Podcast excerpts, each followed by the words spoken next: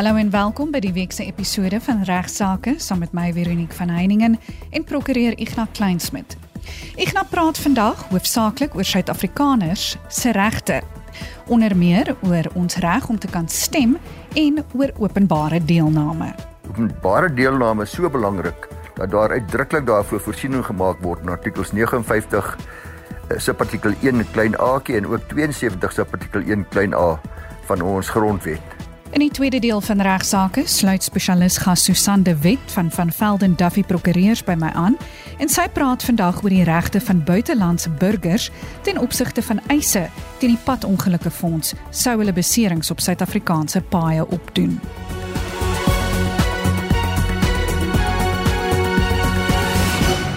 Die week begin ons die program met Ignas wat vandag oor Suid-Afrikaners se regte praat. Kom ons hoor wat sê Ignas. Ja, Veronique, aan jou en al die ander daar by RSG, maar veral ook aan al ons luisteraars 'n baie baie hartlike goeiemôre vir almal wat ons vandag staan op die eerste dag van 2024. Nou soos julle weet, is my deelname aan regsaake namens die Prokureursorde van Suid-Afrika en ons uh, doen geweldig baie vir die prokureurs en vir die publiek van Suid-Afrika. Onder andere is daar die gratis verskaffing van 'n baie gewaardeerde en hoogs aangeskrewe prokureurstydskrif naamlik die Rebus en natuurlik ook die opleiding van duisende jong kandidaat prokureurs en ook die voortgesette regsopleiding van gekwalifiseerde prokureurs om te verseker dat u kan staatmaak op hoë standaard van regsdienste in ons land. Ek bespreek gereeld hofsaake wat uiters toeties is teenoor die regering of dan soos byvoorbeeld die polisie Hey, almal wat luister is sekerlik ook sielsbekommerd oor so baie dinge wat in ons land gebeur en dan hoor ek mense wat sê man, daar's niks wat ek en jy daaraan kan doen nie. Ons moet net daarmee saamlewe. Nou kyk wat gebeur. Maar dalk is jy verkeerd as dit jou houding is. Ons almal, luisteraars, het regte as individue. Talle van hierdie regte word uitgestipel in die grondwet En uh dis vandag die 1 Januarie en elkeen van ons in Suid-Afrika het byvoorbeeld hierdie jaar reg wat my betref mensensiens eintlik 'n diere plig om te gaan stem in hierdie jaar se algemene verkiesing. Maak seker dat jy en ek 'n verskil kan maak. Maak seker dat jy die regte ding doen. Maak seker dat jy optree soos wat die reg jou toelaat om op te tree. Eerstens moet jy seker maak natuurlik dat jy geregistreer is as kiezer, soos wat die wet dit vereis moenie uitstel nie. Van uitstel kom daar beslis net afstel. Maar uitstel is maar 'n dief wat jou eie tyd steel en geen respek betoon teenoor ander nie. En uh, mens praat van 'n prokrastineerder, 'n procrastinator. Dit klink vir my al te veel na anglisisme vertaal gogga. Ek praat maar van 'n uitsteller. Dit klink beter. Maar ons nuwejaars voornemens wat ons het. Kom ons stel dit nie uit nie. Kom ons doen dit dadelik. Kom ons wys hierdie jaar vir onsself ons kan dit doen. Een goeie voorneme kan byvoorbeeld wees om elke maandag om 12:30 in te skakel op regsaake en so te verseker dat u ook 'n regsgeleerde word. So in die volgende bydrae van my nou nou gaan ek vir u meer vertel ook van die reg wat u het wat u dalk nie besef nie om deel te neem aan die wetgewings proses. Luisteraars, daar's 'n Latynse spreek wat sê tempora mutantur et nos mutumur in illis. Klink verskriklik. Maar tye verander en ons verander saam met die tye. En nie van u wat die goeie ou fliek, daai ou tyd se fliek Gone with the Wind gesien het, sal onthou dat Scarlett O'Hara sê op 'n stadium, I'll think about it tomorrow. After all, tomorrow is another day. Nee nee, ek stem glad nie saam nie. In die reg sê ek moet ons dinge nou doen, dadelik doen, moenie uitstel nie, veral nie die gebruik van die regte wat so mooi netjies in die grondwet uitgespel is nie. Ek gaan praat nou verder oor mense se regte in Suid-Afrika, maar oor openbare deelname. Ja, luisteraars, ek het nou reeds 'n preekie gegee oor ons regte en hoe ons elkeen 'n plig het om dit uit te oefen in ons land. Vandag wil ek ook bespreek die reg wat elke burger het van openbare deelname tydens die wetgewende proses. Openbare deelname is so belangrik dat daar uitdruklik daarvoor voorsiening gemaak word in artikels 59 eh, subartikel 1 klein a en ook 72 subartikel 1 klein a van ons grondwet. So die kwessie of die parlement verplig is openbare deelname te fasiliteer wanneer 'n wetsontwerp gewysig moet word of 'n besluitnemingsproses aan die gang is, is deur die grondwetlike hof oorweeg in die saak van die South African Iron and Steel Institute and others teen die spreker van die nasionale vergadering en anders teen die regering dus. Kortliks wat hier gebeur het is die Suid-Afrikaanse Yster en Staal Instituut en ook ander applikante het 'n aansoek ingedien om te verklaar dat die parlement versuim het om hierdie grondwetlike plig van openbare deelname na te kom in hierdie spesifieke wetgewende proses. Die applikant het die grondwetlike geldigheid van spesifieke bepalinge van die NEMA-wet, dis die wysigingswet op nasionale omgewingsbestuurswette. Dis wet 2 van 2022 aangeval wat gepoog het om onder meer die definisie van afval in hierdie wet op nasionale omgewingsbestuurders te wysig. Op 16 September het die kabinet hierdie wysigingswet se ontwerp goedgekeur, staatskoerant gepubliseer en ons almal is genooi om kommentaar te lewer. Daar's baie wysigings aangebring en eintlik is dit dat spring ek nou 30 November 2015 wat die tyd verby was waar u en ek kommentaar kon lewer op die wetsontwerp aan die minister van Bosbou, Visserry en Omgewing. En toe is die wetsontwerp uiteindelik op 23 Mei 2017 ingedien. En nou begin die probleem want toe is dit aan die portefeulje komitee oor omgewingsake verwys. Die Nasionale Raad van Provinsie het in April 2018 verhore gehou, weer eens het die publiek geleentheid gehad om mondinge vertoe te gaan rig oor hierdie wet onder andere ook die definisie van afval en dit het eintlik daartoe gelei dat daar verskeie weergawe van hierdie wetsontwerp was. Veral weergawe D het 'n ander definisie van afval daar gestel as dit wat die definisie was wat in die oorspronklike wetsontwerp voorgestel is. Hierdie D weergawe is toe deur die nasionale vergadering goedgekeur. Nasionale Raad van Provinsies eh, se gekose komitee het 'n vergadering belê hulle het toe wysigings aangebring aan die D-weergawe. En een van die voorgestelde wysigings was 'n nuwe definisie, 'n heel nuwe definisie van afval.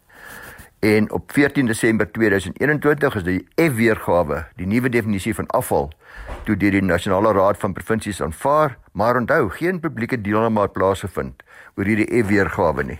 En op 11 Maart 2023 is die wetsontwerp deur beide huise goedgekeur en nou moet die president net teken. Die applikante voer aan dat daar versuim is om die grondwetlike verpligtinge na te kom. Daar was nie genoeg openbare deelname nie, veral omdat hulle sê daar moes ook verdere openbare deelname gewees het aan die wetgewende proses na die D-weergawe van die wetsontwerp. Daar was geen verdere geleentheid gewees nie en die nuwe definisie van afval, dis die ENF weergawe is aanvaar wat wesenlike wysigings en oorgangsbepalings ingestel het sonder enige openbare deelname. Die spreker natuurlik het aangevoer dat dit sê glad nie saamstem nie. Gesê daar was openbare betrokkeheid, hy verwys na die vorige openbare betrokkeheid waarvan ek reeds vir u gesê het, die vergaderings en alles. Hulle het aangevoer dat die proses wat gevolg is in ooreenstemming was met die parlementêre reëls en prosedure en die respondente het natuurlik uh, aangevoer die staat, die spreker in die staat dat hierdie inmenging nou van die applikante eintlik glad geen regverdiging het nie. Die hof het te verklaar luisteraars dat die wesenlikheid van die wysigings wat die parlement aan die wetsontwerp aangebring het, dis nou die ENF weergawe van die wysigingswet dit stel 'n hele nuwe manier daar om vermorsing te hanteer en te definieer. Die hoofste mening dat die uitwerking van die wysigings van afval was dit verskeie produkte wat voorheen nooit as afval gereguleer is nie nou onderworpe was aan die baie beswarende vereistes van hierdie wet. Die effek sê die hof het duidelik aansienlike gevolge gehad soos wat die applikante aangevoer het. Dit het ingesluit daar nuwe regulatoriese vereistes wat sekere koste-implikasies gehad het en die hof bevind dat die respondente inderdaad 'n plig gehad het om verdere openbare deelname te fasiliteer om die wysigings ook te bespreek na aanleiding van die verdere weergawe die ENF van die wetsontwerp. So luisteraars die parlement se grondwetlike pligte om deelname te fasiliteer sê die hof moet in alle omstandighede altyd redelik en regverdig wees want wetsontwerpe kan verrykende gevolge hê. Publiek is geregtig een ek is geregtig om ons sê te gaan sê as dat iets is wat ons raak en alle maatreëls moet altyd redelik wees die slotuitregter Matopo wat die uitspraak gelewer het bevind dat die parlement versuim het om te voldoen aan sy grondwetlike verpligting van die twee artikels waarna ek hier verwys het 59 en 72 van die grondwet. Hy het ook gemeen uh, die regter dat die ongeldigheidsverklaring nie tot 'n regulatoriese vakuum sal lei nie want die huidige definisie van afval soos dit toebestaan is sal verkrag bly en daar was geen leemtes dus in die wetgewing totdat die behoorlike proses gevoer is en die uh, wet uiteindelik gefinaliseer word nie. En ook die uh, respondente, dis nou die spreker in die staat moes die applikante se koste betaal. So maar net weer eens 2024 U mag deelneem aan al die prosesse en alle wetgewing word u uitgenooi om deel te neem en u sê te gaan sê. Regsaake, die prokureursorde van Suid-Afrika vra u om dit asseblief hierdie plig wat u het as burgers ook na die beste van u vermoë na te kom. Ek nou raak nou aan die gebruik van Latyn deur studente. Ek dink baie luisteraars sal weet as ek asof maar bietjie in vele opsigte konservatief en van die ou skool en daarom is ek jammer byvoorbeeld dat ons RLB studente nie meer Latyn neem as 'n verpligte vak nie. Die gebruik daarvan ongelukkig ook in ons howe stadig maar seker besig om in onbruik te verval wat my betref baie jammer is. Maar ons kan ook sê dat die Romeins-Hollandse reg beslis nog steeds 'n baie groot rol speel in ons regstelsel. Veral ook natuurlik as deel van ons gemeenereg. Die Rubicon was 'n riviertjie wat geloop het op die grens tussen Rome en uh, sy provinsies en die Romein Julius Caesar het in 49 voor Christus die Rubicon oorgesteek en toe het hy gesê daar's nou geen meer omkeerkans nie. As algemene spreektaal hoor ek nog dikwels dat ons praat van iemand wat die Rubicon oorgesteek het en ook ander oorblyfsels van uh, die Romeine wat ons nog baie dikwels in ons taal voorkom en dan nie besef dat dit eintlik deel is van die ou Romeinse en Romeins-Hollandse regstaal nie. Ons praat byvoorbeeld van bona fides. Iemand is bona fide as hy goeie trou betoon. En ons praat dikwels ook as iemand mala fides is, slegte trou betoon. Dan praat ons nog baie wanneer iets onomkeerbaar is dat die Rubicon oorgesteek is, soos byvoorbeeld PW Botha, dink Augustus 1985 het hy baie belangrike toespraak gelewer en hy het self gesê dat hy nou die Rubicon gaan oorsteek met nou toespraak. Almal het gesit en luister by hulle radio's en gedink hy gaan apartheid finaal beëindig en uh, Nelson Mandela sou uh, vrygelaat word. Dit het egter glad nie gebeur nie en hy het toe nog glad nie die Rubicon oorgesteek nie. Dit is wel later toe gedoen. Maar luisteraars vanaf my kant, ek het nou reeds vir julle gesê dat 2024 hoop ek dat u u regte gaan uitoefen. Sterkte daarmee vanaf my kant vir almal by die RSG en ook aan u as luisteraars 'n baie baie gelukkige nuwe jaar. Namens die prokureursorde hoop ek dat 2024 'n goeie jaar vir ons almal sal wees en ek hoop dat in hierdie jaar almal gespaar sal wees om nog saam met my te luister en ek ook saam te gesels oor regsaake. Totsiens tot volgende week maandag om 11:30. Dankie Igna en in die tweede deel van regsaake sluit prokureur Susan de Wet van van Velden Duffy Prokureurs in Rustenburg by my aan. Susan praat vandag oor die regte van buitelandse burgers ten opsigte van eise teen die padongelukke fonds sou hulle beserings op Suid-Afrikaanse paaie opdoen. Welkom terug by regsaake Susan. Goeiedag Veronique en luisteraars en 'n voorspoedige nuwe jaar vir almal. Susan, vandag se onderwerp is 'n baie interessante een. Nou hoe werk so 'n situasie? Mag buitelandse burgers wat beserings opgedoen het in 'n motorongeluk op Suid-Afrikaanse paaie wat regmatig in die land was ten tye van die ongeluk, 'n eis teen die padongelukke fonds indien? Ja, Veronique, hulle mag beslis. Volgens artikel 17 van die padongelukke fonds wet kan enige persoon wat beseer word op 'n Suid-Afrikaanse pad in 'n motorongeluk 'n eis indien. Dit is nou ook te sê hulle moet nie die oorsaak van die ongeluk wees nie. Nou voor die padongelukke fonds se posisie verander het in 2022 kon 'n buitelander wat onwettig of onregmatig in die land was ook 'n eis indien. Nou wat het in Junie Julie 2022 met betrekking tot eise van buitelandse burgers gebeur?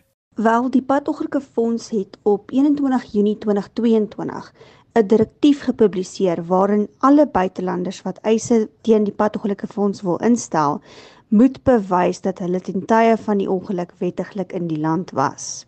Op 4 Julie 2022 het die minister van vervoer by wyse van 'n kennisgewing in die staatskoerant die RAF 1 eisvorm afgekondig wat die vereistes ingevolge die Junie direktief insluit. Watter dokumentasie moet aan die padongelukke fonds voorsien word om te bewys dat die persoon wat eis wel wettig in die land was? 'n Geldige paspoort met al die in- en uitgangsstempels is noodsaaklik. Waar die paspoortdokumente nie 'n uitgangsstempel het nie, moet bewys gelewer word dat die eiser nog in die land is. Dit is ook noodsaaklik dat 'n afskrif gemaak word van die paspoort met die stempels en dit moet gesertifiseer word by die SAPD. Susan, wat gebeur tans in praktyk in gevalle waar die eiser nie wettiglik in die land was ten tye van die ongeluk nie? Dis 'n moeilike situasie Veronique, want die padongelukke fonds weier net volstrek om die saak te skik waarin eisers nie kan bewys dat hulle wettig in die land was ten tye van die ongeluk nie. Is so 'n direktief nie teenstrydig ten opsigte van ons grondwet nie? Dit doen beslis Veronique. Ons grondwet bepaal onder andere die volgende in artikel 9. Almal is gelyk voor die reg en het die reg op gelyke beskerming en voordeel van die reg. Gelykheid sluit die volle en gelyke genot van alle regte en vryhede in. Die staat mag nie direk of indirek onbillik teen iemand diskrimineer op gronde van ras of geslag nie, onder andere. Artikel 33 van die Grondwet bepaal verder dat elkeen het die reg op administratiewe optrede wat wettig, redelik en prosedureel billik is. Die direktief is verder teenstrydig met ons wet op bevordering van gelykheid en voorkoming van onbillike diskriminasie en word tans aangeval in die Mudawu saak in Pretoria Hooggeregshof. Kan jy ons luisteraars net op die hoogte bring van die jongste verwikkelinge met betrekking tot die padongelukke fonds se versuim om sake te skik waarin buitelandse burgers betrokke is? Op 20 November 2023 nou onlangs is daar 'n uitspraak gelewer deur Johannesburg se Hooggeregshof in die saak van die padongelukke fonds teen de Makamu. In hierdie saak het die hof beslis dat die direktief wel nie terugwerkend toegepas kan word nie. En net ter afsluiting, wat bedoel jy met kan nie terugwerkend toegepas word nie? En was daar onlangs so 'n argument wat in ons howe suksesvol was? Sekerlik Veronique, soos voorheen genoem is die Mudawu saak in Pretoria Hooggeregshof nog hangende maar intussen het sommige prokureurs voortgegaan om te argumenteer dat hierdie direktief nie terugwerkend toegepas kan word nie. Eise wat ingedien is voor Junie 2022 mag nie benadeel word deur hierdie direktief nie. Met ander woorde, eisers wat beseer is in motorongelukke gestel 20 in 2016, 17 en 18, hulle kan nie nou benadeel word nie, selfs al was hulle nie wettig in die land nie. So ten slotte, die direktief kan nie terugwerkend toegepas word nie en kan net eise affekteer wat na 21 Junie 2022 ingedien is tot tyd en wel wat ons wag vir die Mudawu beslissing.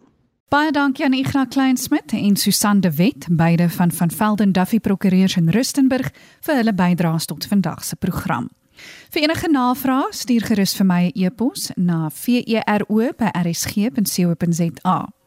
Ek wens jou ook 'n baie voorspoedige 2024 toe. Van my Veronique van Heiningen groete tot volgende week.